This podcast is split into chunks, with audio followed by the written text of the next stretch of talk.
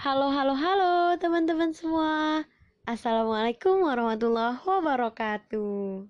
Gimana kabarnya sekarang? Semoga selalu sehat ya. Jangan lupa buat nerapin protokol kesehatan, oke? Okay? Balik lagi sama aku Sri Nur Afifah dengan NIM 2004418 dari program studi pendidikan ekonomi Fakultas Pendidikan Ekonomi dan Bisnis Universitas Pendidikan Indonesia. Masih dengan tugas yang sama, tugas dari mata kuliah pengantar bisnis pastinya dengan dosen pengampu Bapak Dr. Andes RD Dian H. Utama MSI. Halo Bapak, semoga selalu sehat ya Pak. Kali ini aku mau ngebahas tentang manajemen pemasaran. Disimak baik-baik oke, okay? selamat mendengarkan. Semoga bermanfaat ya teman-teman. Let's go! Apa sih manajemen pemasaran itu? Kok pemasaran segala ada manajemennya ya teman-teman?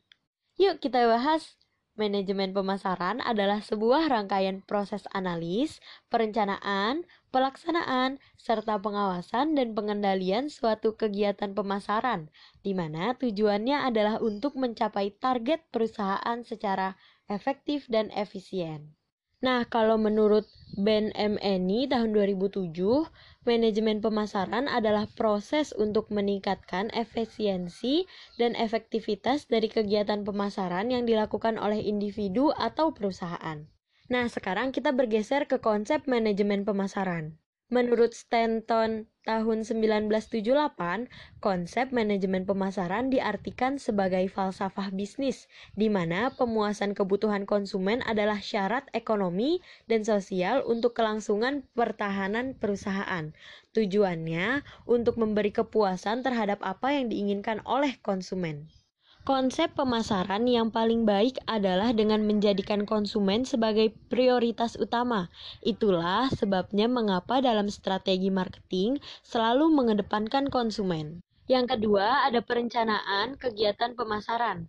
Pengaturan secara dinamis sebagai bentuk penyusunan berbagai kegiatan pemasaran secara menyeluruh. Yang ketiga, ada kepuasan konsumen. Unsur paling penting di dalam pemasaran adalah kepuasan konsumen. Kepuasan konsumen ini tidak hanya diukur dari kualitas produk kita saja, tapi juga dari bagaimana strategi pemasaran yang kita lakukan. Sekarang, apa aja sih fungsi manajemen pemasaran? Yang pertama ada fungsi pertukaran. Pada fungsi pertukaran dalam manajemen pemasaran ini terbagi lagi menjadi dua fungsi utama, yaitu pembelian dan penjualan.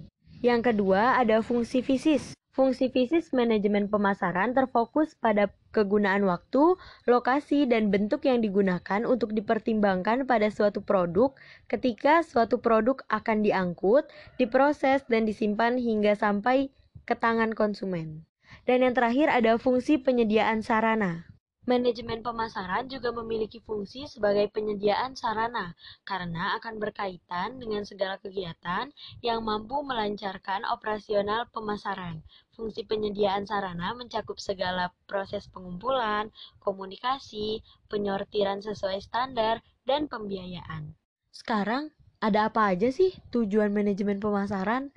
Manajemen pemasaran memiliki enam tujuan, di antaranya ada membangun permintaan, ada membangun kepuasan konsumen, ada mendapatkan market share, ada juga mendapatkan keuntungan. Oh, itu pasti.